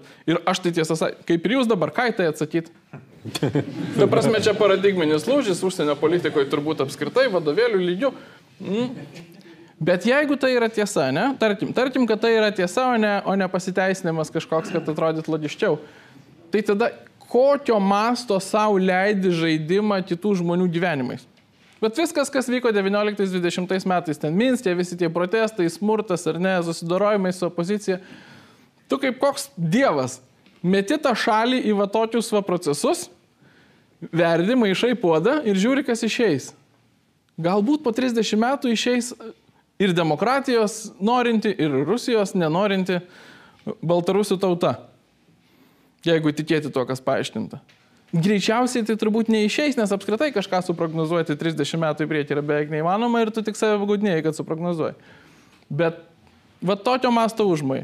Tai kaip pradžioj sakiau, kad mano galva su Kinija mes žaidžiam Lietuvo žmonių gyvenimais, iš esmės va bank žiūrėdami, kas išeis, gal išeis, gal pasiteisins, bet tu pats nevaldai tų kintamųjų ir tu lauki, kad pasisektų. Kaip kokiam kazino. Tai čia tas pats, jeigu įtikėti tuo, kas pasakyta, tai čia tas pats tik tai dar su svetimo šalies visuomenė, su baltarusiais. Nu, Tai, tai tu, tu nori, kad aš pasakyčiau, ką jie mąsto, aš nežinau, ką jie mąsto. Na, man atrodo, kad yra, yra šiokio tokio pagrindo tikėtis to, ko tikisi Matas Maldeikis, jeigu ta, taip e, žiūrėsim, nes e, o kuo remiasi ekonominių sankcijų logika? E, Tų ekonominių sankcijų, kurios taikomos ne konkretiems asmenims, režimo tarnams, kaip sakyt, bet visai valstybei, sektorinės sankcijos ar Taip, kad visuomenė matytų, kad gyvena vis blogiau ir blogiau, jos valdžia pykstasi su vakarais, jai vis blogiau, na ir jį galų galę neištvėrusi sukyla ir nuverčia tą netinkamą valdžią. Tai lygiai tas, ta pati logika matyt galioja ir šitoj vietoj. E, Turi matyti, kad e, jų vadovas, jų lyderis, prezidentas yra tironas tiesiog, mažo to visiškai prorusiškas tironas, pataikaujantis Putinui ir vykdantis jo nurodymus, na tai irgi ta pati logika iš esmės, kad būtų blogiau tam, kad visuomenė neapsikestų. Šiuo atveju blogiau ne tiek ekonomiškai, nors ekonomiškai irgi, bet pirmiausia politiškai, kad tai yra Putino marionetė iš esmės. Ir jeigu Rusijai bus blogai, o Rusijos na, dabartinis pastarojo dešimtmečio vektorius turbūt nėra į gerą ir, ir aukštyn, tai tada automatiškai ir Baltarusijos visuomenė bus lygiai tokia pati nepatenkinta, lygiai taip pat piktinsis visais tais dalykais, kaip gali, tarkim, Rusijos dalimi tapusi Baltarusijos visuomenė pradėti piktintis Putino agresyvę užsienio politiką, nes e, tokios e, antikarinės nuotaikos Rusijoje jos vis dėlto yra. Nepaisant to, kad didelė visuomenės dalis palaiko Putino politiką, ne, yra ir tokių žmonių. O kiek jų yra, ar mes žinom už kokią statistiką? Ne, mes stati statistikos tikslios negalim žinoti nei iš Rusijos, nei iš Baltarusijos, bet, na, neseniai visiškai nuskambėjo buvusio Rusijos generalinio štabo e, vadovo pavaduotojo ir dabartinio Rusijos karininkų asociacijos vadovo e, generolo mm, laiškas adresuotas Putinui, kuriame labai drąsiai, labai kritiškai kalbama apie nevykusią visiškai Putino politiką, apie norą karo šitos administracijos Putino, kurio niekam nereikia Rusijoje, e, parodymas tiesiog pirštu, kad problemos, su kuriamis susiduria Rusija, yra sukeltos pačios Rusijos, o ne NATO ir ne vakarų. Yra sveiko proto žmonių net ir tame elite Rusijos ir karinėme elite. Tik tai vieni iš tai išdrįsta pasisakyti garsiai, kiti tyli, bet aš manau pritarė, ar bent iš dalies pritarė ir tokių tikrai yra. Tai e, šitoj vietoje nesunku pasakyti, kaip toliau klostysi situacija, čia mes galim pradėti spėlioti ir tai bus būrimas iš kavos tirščių. Bet aš ką noriu pasakyti, bandymas pabloginti visuomenės gyvenimo sąlygas tam, kad visuomenė neištvėrusi nuverstų savo e, diktatorių, savo, savo režimą, na, tame yra logikos, čia galima suprasti maldeikį. Jo daugybė e, apžvalgininkų, na, gal ne daugybė, bet kai kurie labai aiškiai kalbėjo nuo užpernai, kad jau dabar Baltarusija nėra jokia valstybė, tai yra Rusijos gubernija. Todėl jokio skirtumo, ką mes čia darysim, stumsim į glėbį, tai jinai jau yra tame glėbėje. Aš nesutinku su šito požiūriu. Tikrai dabar, na, sunku būtų buvę įsivaizduoti prieš dviejus ar trejus metus, kad 30 tūkstančių rusų karių, štai kaip dabar uh, grasins grumos vakarams ir Ukrainai būdami Baltarusijos teritorijoje. Nebuvo uh, Lukašenka toks Putino pataikūnas prieš keletą metų, vat, kaip ir Vytautas sakė, koks jis tapo dabar po visų šitų istorijų. Bet manyti, kad visuomenė Baltarusijai gali labiau neapsikesti, kai jai bus blogiau, taip galima manyti. Kitas dalykas, kad uh, tas kantrybės, ta, ta, tas skausmo riba tiek Rusijoje, tiek Baltarusijoje yra tokia, kad ten gali būti dar blogiau ir dar blogiau ir vis tiek jie kentės. Čia reikia visiškai, e, kai mūsų e, politikai ir politikos analitikai, e, kai prasidėjo pa iškart po, po Lukašenkos rinkimų, kabutėse Baltarusijoje, pradėjo galvoti, aha, čia jau revoliucinė situacija, čia jau tikrai gali visko būti, jau čia tuo jį nuvers. Tai gali manyti žmonės, kurie visiškai ne, nesuvokia, kas yra Baltarusijos visuomenė. Visiškai. Tai yra, na, tai yra atotrukis, tai yra matymas kažkokio burbulo Minsko ir visiškai nes, visiškas nesusigaudimas, kas tai per visuomenė. E, palyginti neseniai, na, mano karto žmogui tai yra palyginti neseniai. E, iškart po SSRS subirėjimo Baltarusija buvo, na ką padarysi, taip, aš jau tokio amžiaus. Baltarusija buvo visiška sovietija, visiška sovietija. Tai buvo, tai buvo šalis, kurioje Lenino statulos atrodė gyvena, jos dar gyvena. Leninas ten tikrai buvo gyvas 91 metais. Tai buvo taip natur, natūrali tokia Sovietų sąjungos e, toks natūralus tesinys, toks, tokia liekana. E, net kažkuria prasme net labiau negu vadinamosios Vidurinės Azijos Respublikos sovietinės. Tai buvo košmaras. Taip, tai tas jausmas iš Baltarusijos e, sąjūdžio laikais, 89 metais, 90, kad tu tiesiog kirtęs Lietuvos Baltarusijos sieną tikrai grįžti į, į visišką sovietiją, iš kurios turbūt net ištrūkti neįmanoma kažkoks beviltiškumas. Ta, ta psichologija vyraujanti, ta, tas na, mentalitetas visuomenės, jis negalėjo taip radikaliai pakisti per 30 metų. Na, negalėjo. Tiesiog, na, aš nežinau, kas, kas turi vykti. Apie, o žiūrėkit, sako, Ukrainoje, kaip Ukraina, Ukrainos visuomenė vis dėlto buvo kitokia. Negalima jų lyginti, sakyti, kad jos visiškai panašios ir kad tai yra tas pats. Ukraina yra kitokia.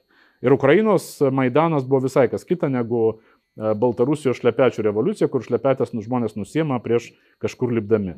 Tai, tai yra ne, ne ta visuomenė, kuri buvo nusiteikusi kovoti ir aukotis. Tai buvo aišku. Tai iš kur tos visos tos, tos nesąmonės apie tai, kad čia toj toj revoliucija laimės? Ar juolap Lietuvai padėjus, jau tikrai laimės, kaip, kaip, kaip mes čia kalbėjom. Tai klaida buvo padaryta įsivaizduojant, darant prielaidą, kad Baltarusijoje subrendo ta revoliucinė situacija. Tai viena. Ir antra, aišku, klaida buvo ta, kad irgi prielaida, kad Lietuvai reikia tai įsivelt, nes revoliucijos eksportas yra savaime geras dalykas, nes vertybinis. Revoliucijos eksportų užsiminėjo Sovietų Rusija, kai tik atsirado po 17 metų, tai buvo Rusijos, bolševikinės Rusijos politikos esmė - eksportuoti komunistinę revoliuciją į vakarus. Pirmin, mes žinom, kas yra geris, Sovietų Rusija, jos valdovo akimis, vykdė vertybinę politiką. Ji norėjo, kad visa Europa taptų SSRS respublikomis, SSRS dalimis, o vis, visam pasaulyje nugalėtų komunistinė revoliucija.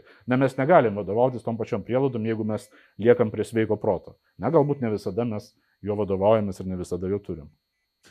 Dominikai, jūs kažką norėjot replikuoti? Jo, būtent dėl tikslo sankcijų. Aš sutinku su gerbiamu Vladimiru, kad gali būti logika tokia, kad, na, maždaug mes padarom žmonėms su sankcijom gyvenimą kuo sunkesnį ir tada jie galbūt sukils. Bet kiek kartų pasaulyje tas yra pasiteisinę?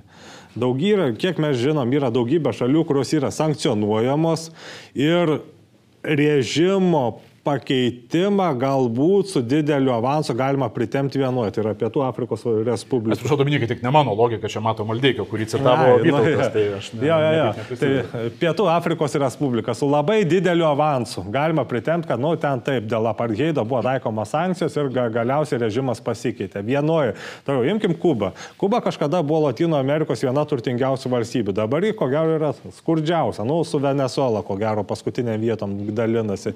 Ar pasikeitė režimas? Nepasikeitė. Gal kai kam bus nuostab, nu, įdomu išgirs, bet Šiaurės Koreja iki kokių 70 metų buvo turtingesnė už Pietų Koreją. Dabar Šiaurės Koreja žmonės badauja, Pietų Koreja viena turtingiausių pasaulio valstybių. Ar pasikeitė režimas? Nepasikeitė. Iranas irgi lygiai taip pat sankcionuojamas, pasikeitė režimas, dar labiau įsitvirtino, man atrodo. Toliau Putino režimas 14 metais, aš irgi tikėjausi, kad nu, va, dabar sankcijos pritaikytos, o dabar grius Rusijos ekonomika ir va, dabar kažkas ten pasikeis. Nu, niekas nepasikeitė. Ta, tai lygiai tas pats, ko gero, bus ir Baltarusijai. Na, man, mano, man, man atrodo, kad, na, iš tikrųjų čia buvo mums padaryta labai didelė mūsų klaida ir e, ta klaida Lietuvai tik, tikrai ir pablogino situaciją ir gali daug kainuoti tame tarp ir finansiškai. Vytautai, ar turit kažką pridėti? Tada perėsim prie dar vieno samokslo teorijos klausimo, kurį turim būtinai atsakyti. Nori, kad pridėčiau ar ne, nes pagal laiką. Turim, ne, lai, laiko yra visą. Kaip? Aš įdėliojęs yra keli dalykai, dėl kurių man va ta logika, kurią čia Vladas taip aiškiai išaiškino ir kuri nėra jo. E, e, man, manęs visi, nu, neįtikina niekaip. Tai yra, e, pirmiausia, ta laiko perspektyva. Tikrai, nu, aš negaliu garantuoti, aš ne, ne, šitą nesprendžiu, bet, nu, greičiausiai Lukašenka greičiau numirs ir įvyks kažkoks tiesiog režimo kaita. Nežinom kokia, niekas nežinom kokia, anksčiau negu kad suveiks tai, ką ten išdėstė. E, toliau, jau paminėtas čia tas e, skausmos lengstis. Kuo labiau į rytus visuomenės arba dar visai kaip, gal kuo toliau nuo Europos centro visuomenės, tuo, tuo jos kantresnės yra visokiausiams dalykams. Nu, bombarduotim jos tam sankcijom arba sankcijos tai dar nieko palyginus su tuo, ką mes čia šiandien aptarinėjom, nu, neveikia. Žmonės pasiruošę pakesti, mes patys nežinom ką, gal pamatysim procese. E, galiausiai nu, skiriasi sankcijos nuo to, kas čia padaryta, mano galva skiriasi ir gal čia net pirmą kartą norėčiau vis dėlto ir, ir radau save, suradau vietą, kur man atrodo, kad vis dėlto turėtų vertybiniai klausimai įsijungti. Kiek daug gali sau leisti kišimosi tam, kad pasiektum savo politinių tikslų kitoj šalyje? Nu, dar, dar sankcijos, sakykim, kažkas branksta, taip toliau. Tu sukuri vat, situacijas revoliucinės. Ar tai yra moralu? Ten žmonių gyvenimai dabar, nu dabar jau gal ten nebe aprimo, bet buvo laikas, kai ten žmonių gyvenimai sprendėsi. Ir tą daryti buvo moralu. Ar čia vertybinė užsienio politika per vat, tokį Jakobinų revoliuciją? Nu, susideda daug dalykų, dėl kurių atrodo, kad nu, vis dėlto tai yra kaip jausi, taip neįtikėtina, nei pateisinama. Gerai, tai dabar turim, turim aptart labai rimtą klausimą. E, yra dalis Lietuvos visuomenės ir, ir aišku, vėlgi mes matyti statistiškai nežinom, bet čia buvo kažkada prieš metus e, įdomi tokia statistika iš e, šiaurės rytų Lietuvos, ten su požiūriu į Rusiją klausimai buvo, po to jin buvo šiek pakritikuota, kad ten galbūt nereprezentatyviai imtis, bet kas liečia rajonų išdėstymą, bet yra dalis žmonių, kurie Rusijoje Lietuvoje tikrai nemato jokios problemos kaip e, valstybė ir, ir, ir jie atvirai juokėsi iš mūsų užsienio politikos formuotojų, kurie sako, kad e, rusai puola, puola, mūsų niekaip neužpuolė, žodžiu, jie tik pasiemė, kas jiems priklauso, nu, aš čia šaržuoju, bet e, maždaug taip kažkaip matyt panašiai yra pateisinamos tos tie dalykai, kurie vyko 8 ir 14 metais. Bet kita vertus, ar mes, ar mūsų užsienio politikai net būkina mūsų visuomenės ir, ir, ir vat, vėlgi maišydami šitą vyralą, kur čia Vytautas pasakojo, Mes visgi tampom mešką už ūsų, tos mes ir maža valstybė, e, galų gale mūsų geografinė padėtis, e, tas asmauka, gepas vadinamas, žodžiu, mes e, realiai tik dabar pradėjom stiprinti savo sieną su Baltarusija. Nu, realiai mes esame pažeidžiami. Mes galėtume pragmatinę politiką vykdyti tiek su Rusija, tiek su Baltarusija, iš tų surinktų pinigų matyti ir modernizuoti savo kariuomenę ir kitas rytis.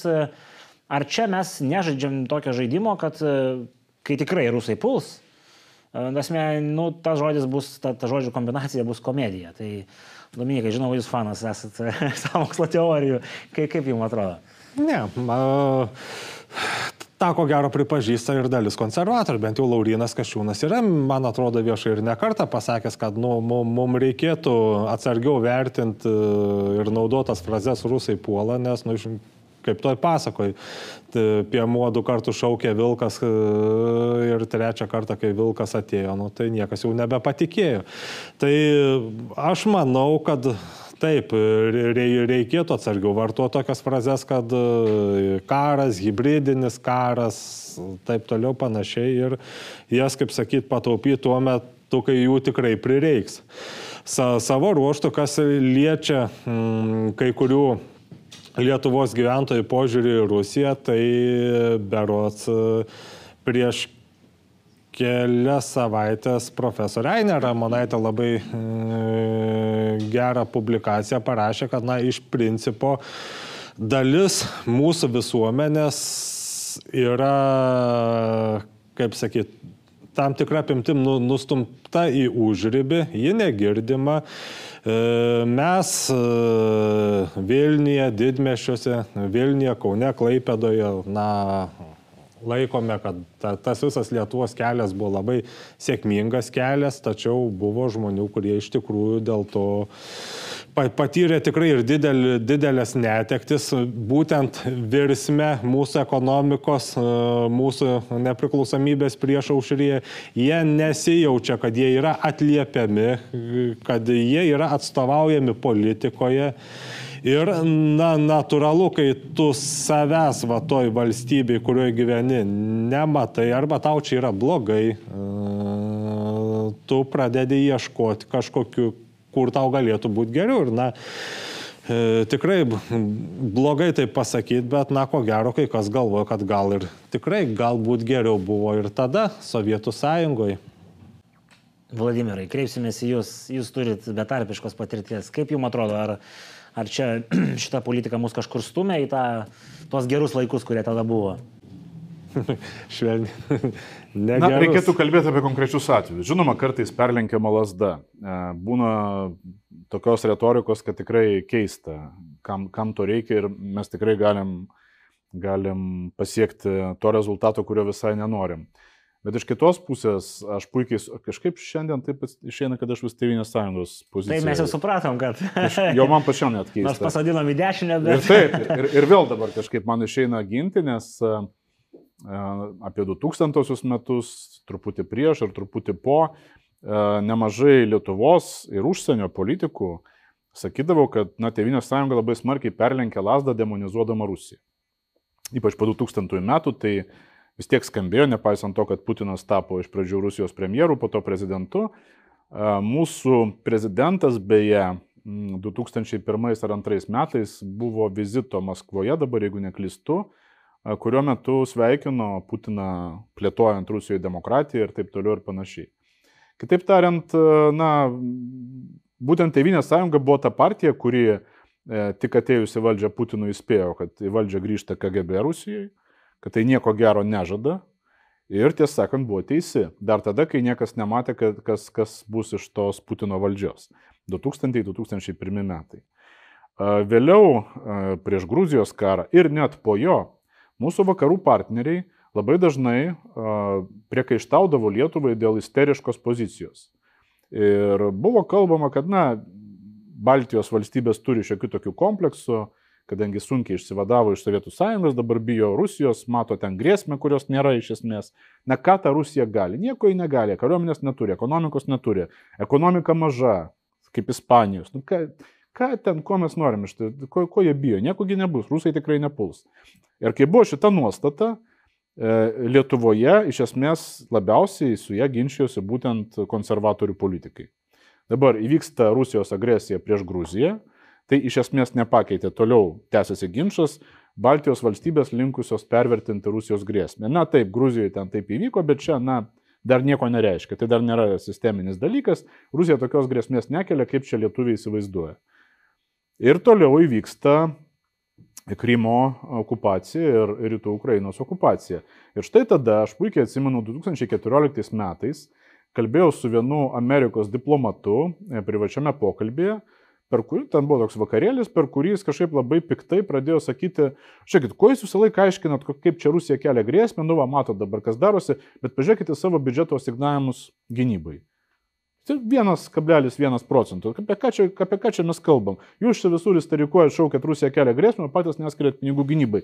Palaukit, gerbėmėjai, Tai būtent jūs kartu su kitais mūsų vakarų partneriais įtikinėjote, kad Lietuva klysta, manydama, kad Rusija kelia grėsmę. Kaip gali Lietuva įtikinti savo visuomenę, kad mes turim skirti krašto apsaugai 2 procentus BVP Jeigu ir amerikiečiai, ir europiečiai, vakarų europiečiai sako, ne, Rusija grėsmės nekelia, jūs pervertinate tą grėsmę. Labai sunku yra įtikinti savo visuomenę, kai čia tik viena partija, kurią jau seniai visi kaltina radikalumu, kad jie čia visur mato Rusijos grėsmę, kurie visą laiką kartoja, žiūrėkit, čia toje Rusija puls ir panašiai, nu kaip, na, konservatoriai, kuriuos aš šiandien ginu. Tai būtent jie ir liko ta vienintelė politinė jėga, kuri nusekliai visą laiką kartojo, kad ta grėsmė išlieka ir ji auga. Ir staiga 14 metais atsibunda amerikiečiai, o tai ko jūsų biudžeto signavimai tokie menki? O tai ko jūs aiškinot visą tą laiką, kad lietuviai klysta, o jūs geriau žinot, kad Rusija jokios grėsmės nekelia? Tai apie ką, čia, apie ką čia tas ginčas buvo su vakariečiais? Tai čia tas esminis dalykas, kur aš manau, kad vis dėlto būti nusekliam ir kartoti, kad štai čia yra tas Mordoras Tolkino, kuris iš tikrųjų yra Rusija. Tai yra normalu ir tai yra gerai. Prasme, būti budriems, kalbant apie Rusiją, visada reikia, nes tai yra valstybė, kuri be ekspansijos tiesiog negali. Tai jos yra prigimtinis dalykas - ekspansionizmas. Tai šitoje vietoje aš manau, kad tikrai mes nedarom nieko blogo, kai apie tai yra kalbama, kai visuomenė apie tai nuolat yra įspėjama, kai vakarų partneriams taip pat tai sakoma, nepaisant to, kad labai ilgą laiką vakarų partneriai iš mūsų šaipėsi, sakydami, kad jūs čia turit e, vaikystės kompleksų, nekenčiate Rusijos, norite kerštauti, matote ten, bijote to, ko ten jau seniai nėra. Na, pasirodo, žiūrėkit, yra, yra, Sovietų sąjunga atgimė.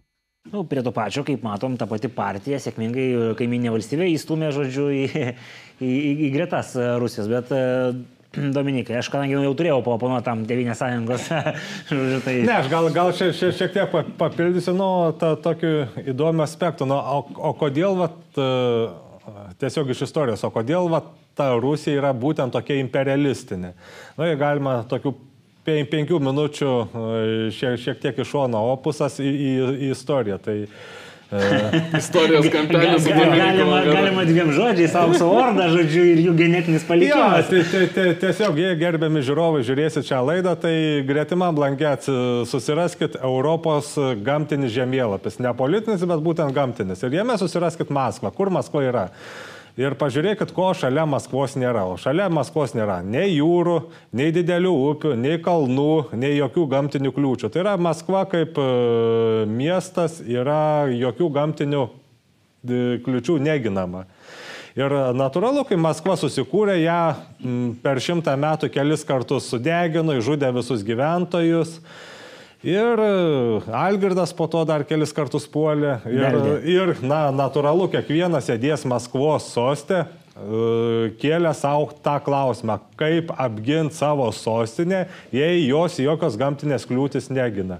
Tai natūralu, kad esant tokiai situacijai, vienintelė galimybė apginti savo sostinę yra kuo didesnis teritorinis buferis į visas pusės, kuo didesnis teritorijas tu į visas pusės valdai, tuo priešai bus didesnis atstumas ir atitinkamai sunkiau ateiti iki tavo sostinės ir ją užimti, užkariauti, žudyti gyventojus, sudeginti taip toliau. Bet šiais laikais matyt niekas nenori ateiti žudyti ir be, be, Bet iš tikrųjų tas buvo, nu, tiesiog jau kraujai auga. Ir jie natūralu taip žingsnis po žingsnio jungia, jungia, jungia, jungia jungia, jungia tas teritorijas, kol galiausiai išvirto į tokią imperiją ir negalima sakyti, kad, na, kelis kartus per istoriją tai tos teritorijos juos ir gelbėjo. Tai Napoleonas visų pirma, taip jis Maskvą užėmė.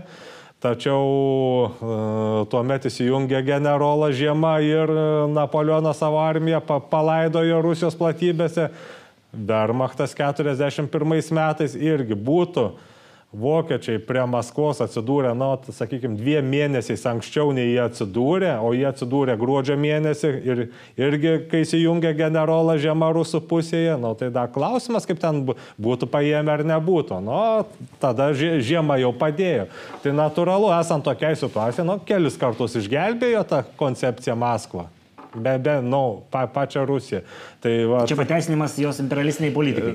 Ne, ne pateisinamas, o paaiškinimas, kodėl Rusijos imperialistinė politika yra jos krauja. Na, ne, nes na, per amžius tai buvo jų išgyvenimo, jie laika, kad tai yra jų išgyvenimo e, strategijos dalis, nes kitaip priešas ateis užims Maskvą, išžudys gyventojus, Maskvą sudegins, kaip kelis kartus yra buvę. Vieną kartą vienas Beros ir Rezanės kunigaikštis sudegino, išžudė visą Maskvą, antrą kartą Totorija atrodo. Vytautai, rusai puola, e, tema Puola. Ar turit ką pridėti, žodžiu? Kaip intensyviai jie puola, kai klausia mūsų e, tauto, tautos dalis, kuris sako, kad... Taip intensyviai, kaip tuo metu jiems atrodo, kad reikia. Aš e, kažkaip politiškai socialiniuose burbuluose, juose yra žmonių labai nemažai, kurie yra iš Tevinės sąjungos, arba jau nusivylę tiek, kad nusisutė, arba vis dar nenusisutė, bet nusivylę. Ir labai suprantantis, kad rusai puola. Ir, ir žmonės, kurie nekenčia Tevinės sąjungos visą savo sąmoningą gyvenimą ir dažniau jie mano, kad rusai nepuola ir kad tai yra jotinga. Tai pastariesiems aš būnu tas, kur, aha, tai vis dėlto jis Landsbergio agentas. Kaip, Tai jau kaip patvirtinu, kad rusai puola. Taip. Ir, ir dabar ką tai reiškia nekarikatūriškai? Pirmiausia, tai, kas čia jau buvo aptarta, tai yra šalis, kurios geopolitinis kodas yra plėstis. Jis privalo plėstis, mes visi, kas esam tarp Baltosios ir Juodosios jūrų, turim būti jų. Arba okupaciniu būdu, arba kažkokiu kitokiu, kuriems būtų aišku, kad jie žino, kas čia įvyks ir niekas neįvyks be jų žodžių. Ir, ir tą reikia suprasti, reikia žinot, mes visada esame grėsmė. Jeigu mes visada esame grėsmė, tai kaip mes turim jo žiūrėti? Kaip į grėsmę, ar kaip į Lukašenką, ar kaip į... ar ne. Mes, aišku, juos turim žiūrėti kaip į grėsmę. Tos visos kalbos, kad ten, va, palaikykim pragmatiškus santykius ir viskas bus gerai, nu, tai yra apsigaudinėjimas, neįmanoma, neįmanoma, kad viskas būtų gerai. Gali būti trumpuoju laikotarpiu geri pragmatiniai santykiai, daugiau prekybos, dar kažko tai, pigesnės dujos, jeigu nebandai apeiti iš viso jų primestų taisyklių. E, Bet galiausiai tu turi visada žinoti, kad nu, tai yra grėsmė, jie tau gal rytoj atsiūs ką nors prieš tai užsutė vamzdį. Ir tada atitinkamai, bet visą tai reiškia rusai puola. Rusai ruošia informacinę erdvę. Rusai dirba su tuo, kad e, yra daug žmonių buvusiose Sovietų sąjungos ir ne tik buvusiose Varšuvos pakto šalyse, kurie jaučia nostalgiją, kuriems tuo metu buvo gerai. Buvo galbūt tik dėl to, kad jaunystė, o gal buvo ir tiesiog ekonomiškai gyvenimas geresnis. Gal jiems, kaip labai dažnai yra, pagalvokit, kaip yra užprogramuota pačios na, valstybingumo raidos, okupacijos patirties. Žmonės, kurie pragyveno didžiąją dalį gyvenimo arba svarbesnė jų formavimui dalį gyvenimo be valstybingumo, šalyje, kur nei šeimoje kas nors drįso sakyti kažką apie valstybingumą savarankišką Lietuvos, nei mokyklai be abejo niekas nesakė, sakė priešingai, kažkokie tokie dalykai kaip valstybingumas tikrai jiems yra nu, žemiau jeigu neįvyko kažko ypatingo kito keičiančio šitą jų gyvenimo patirtį, jiems bus žemiau negu tiesiog vat, materiali- materialinė gerovė, pragmatiniai dalykai ir taip toliau.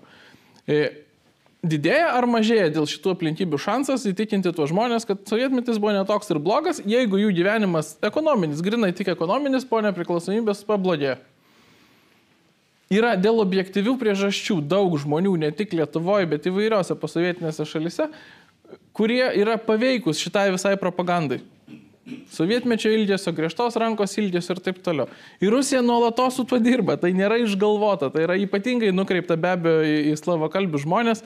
Čia yra rusakalbiai, bet yra lenkais užsirašantis, bet iš tikrųjų vis tiek kažkodėl rusiškas, o ne lenkiškas televizijas žiūrintis e, žmonės ir, ir juos pirmiausia yra nukreipta, bet ne tik juos, visus, kas tik tai gali ilgėtis. Dabar yra dar naujas, čia ypatingai yra blogai ir sudėtinga žmonėms kaip aš, kurie yra konservatyvių pažiūrų, kritikuoja vakaruose vykstančius moralinius dekadansus ir panašiai. E, Putinas irgi kritikuoja. Ir jisai supina į vieną naratyvą, kad čia yra tradicinės vertybės, yra mm, ruski mir, rusiško pasaulio dalykas, kad aš jas ginu nuo supuvusių vakarų ir kad jums su manim pakeliu, jeigu jūs esate ten prieš, nežinau, vienalytę santokas, seksą gatvėse ir taip toliau. Jeigu jūs prieš, tai jūs su manim. Vakaruose, kas neturi visų šitų patirčių baisių, kurias mes turim su Sovietų sąjunga ir nesupranta, kad rusai puola, Vakaruose tas yra ok. Nuolatos, ten, nu ne taip dažnai, bet tenka susidurti su įvairiais konservatyviais žmonėmis iš vakarų šalių, Ispanijos, ten, nu, Anglija mažiau, bet Ispanijos kontinentinės dažnai sako, tai kas blogai su Putinu? Taigi jis pat vertybės teisingas gina. Ir paaiškink. Tai ir čia yra dar vienas būdas, jau kaip ir peržengiant tautinės sienas, visas irgi, irgi sėti tą vat, informacinis karas. Aš visiškai sutinku, kad informacinis karas nėra išgalvotas. Bet jau taip einant prie išvados, ką reiktų daryti visame šitame kontekste, kai rusai iš tikro puola, tai reikia kuo daugiau dirbti ir kuo mažiau šnekėti. Bent į išorę.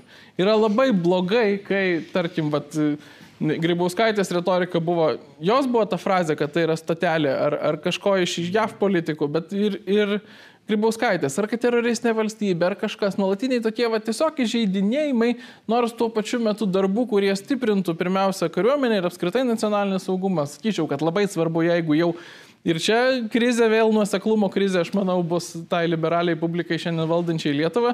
Jeigu tu sakai, kad rusai puola, su kuo aš sutinku, ir jeigu tu sakai, kad Lietuvos visuomenė turėtų stiprinti, šarvuotis e, prieš ją gintis, tai tu turėtum rūpintis ir Lietuvos nacionaliniu tapatumu kad vis dėlto ne platusis pasaulis būtų širdžiai mėla tėvynė, o šita vat, Lietuva tarp šitų visų gamtinių sąlygų Sly, savo istorija būtų, būtų tai, prie ko tu esi prisirišęs ir už ką tu prireikus nori numirti.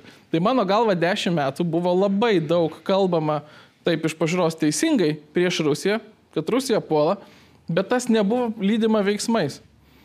Tai prasme, mūsų, mano galva, mūsų geopolitinė situacija yra pakankamai panaši tiek Izraelio, tiek į Suomijos, nu, toli gražu ne viens prie vieno, bet, ta prasme, mastas pavojaus dėl to, kokioje kaiminystėje mes esame, yra milžiniškas.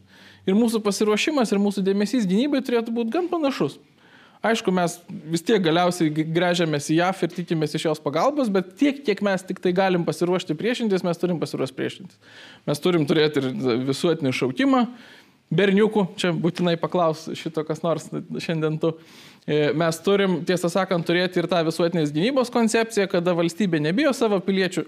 18 metais, bijau sumeluoti, man atrodo, 18 buvo priimtos pataisos arba bent pasiūlytos pataisos, man atrodo ir priimtos, kurios numato, kad karo atveju iš asmenų, kurie legaliai turi ginklus, savydinai, ne šauliai, o visi kiti, konfiskuoti tuos ginklus. Karo atveju. Čia yra logika, kad bijoma savo piliečių, kad gal, arba gal yra kita logika, gal kiti pašnekovai paaiškins. Nu, logika yra paprasta, galbūt jie nes, galbūt jie atsisuks prieš ir... savo šalį. Nu, arba jie tiesiog iš Arba bus tokie nevykę, nesugebės. Nu, gal, tai vat koncepcija, kurią taikė Lietuva, nu, galiausiai nepasiryžo gintis, bet kurią taikė Lietuva tarpu karių, buvo, kad visi turi būti įtraukti į šalies gynybą nesenai kariuomenė perleido ir kažkodėl neprekiavo, tiesiog va taip tik tai dalino, nežinau, susijusiems asmenims vieną knygą visuotinę, neatsimenu tikslaus pavadinimo, bet apie visuotinę gynybą, apie tai, kaip paruošti šalį, kad visi žmonės kaip tik galėtų bent po vieną bolševiką nušautų, paprastai išnekant. Šiandien mes einam priešingai kryptim, o turėtume eiti link to. Turėtume, nežinau, kaip būdavo prieš 10 ar 15 metų valstybės kompensacija pirmam kompiuteriui, tai dabar valstybės kompensacija pirmam ginklui. Čia, čia, čia, čia yra tai. Ir va šitų, kai pasižiūri į, į, į visus gynybos rytyje darbus, tiek apie tą, sakykime taip, mąstymo pasiruošimą gintis, tiek į tą hardware karinį pasiruošimą gintis, tai šnekų yra daug daugiau negu darbų. Bet rusai puol. Kolegos, ar kažką trumpai norit pridėti, nes matau, kad mes e, kameros apkaitimo laiką jau artėjom, žodžiu, tai reikia, reikia rezumuoti. Ne, neturiu ką pridėti. Buvo, buvo Vytauto tokia kalba, kad... Pa, palaikau. Ne, neteko. GPM, GPM e, lengvata pirmam automatui. Gerai. Tai ką, tai, tai, tai dėkui, dėkui, aišku, visiems, kurie žiūrit e, įrašą, dėkui visiems, kurie apsilankėt mūsų gyvam epizode. Dėkui svečiam, be jūsų, aišku, nebūtų ir šitos diskusijos ir šito viso vaibo. Tai didelis dėkui ir, ir ką, susitiksim kitose epizodose. Iki. Gotcha.